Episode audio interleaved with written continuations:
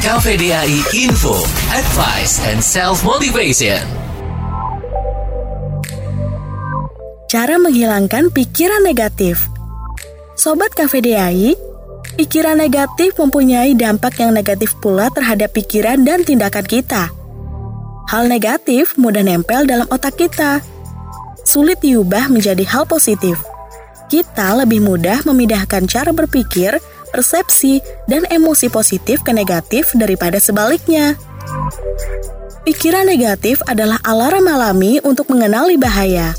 Otak lebih sensitif ke hal negatif. Bagian otak yang menangkap hal negatif adalah amigdala. Proses mengatasi pikiran negatif itu tidak mudah ya, butuh komitmen kuat. Nah, Sobat KVDAI, ada empat tips untuk mengatasi pikiran negatif. Pertama, Tantang pikiran negatif kamu. Saat kamu dikuasai distorsi kognitif, pertanyakan pada pikiran kamu sendiri. Misalnya hari ini atasan marah ke kamu karena pekerjaan gak bagus. Tanyakan pada dirimu sendiri, ada tidak kemungkinan lain yang menyebabkan atasan kamu marah? Kalau ada, apa masalahnya? Mungkin saja atasan kamu lagi menghadapi macet di jalan, atau ada yang menjengkelkan di rumah sehingga atasan marahnya ke kamu.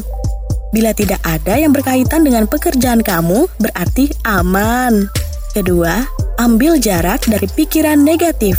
Misalnya dikritik atasan dan kamu mikirin terus, sehingga terjebak dalam pikiran negatif kamu. Beri batasan waktu pada pikiran untuk larut dan setelah itu lupakan atau alihkan ke pikiran yang lain. Ketiga, menulis jurnal rasa bersyukur. Paksakan diri untuk mengingat hal-hal positif sebagai penyeimbang. Tulislah di kertas atau buku diary untuk rasa bersyukur di hari ini yang sedang kamu jalani. Luangkan waktu 10 menit untuk menulis jurnal bersyukur kamu. Terakhir, fokus pada kelebihan kamu. Mengatasi pikiran negatif adalah sebuah perang melawan diri sendiri. Jadilah pribadi yang selalu positif sebagai penyeimbang. Salam sukses!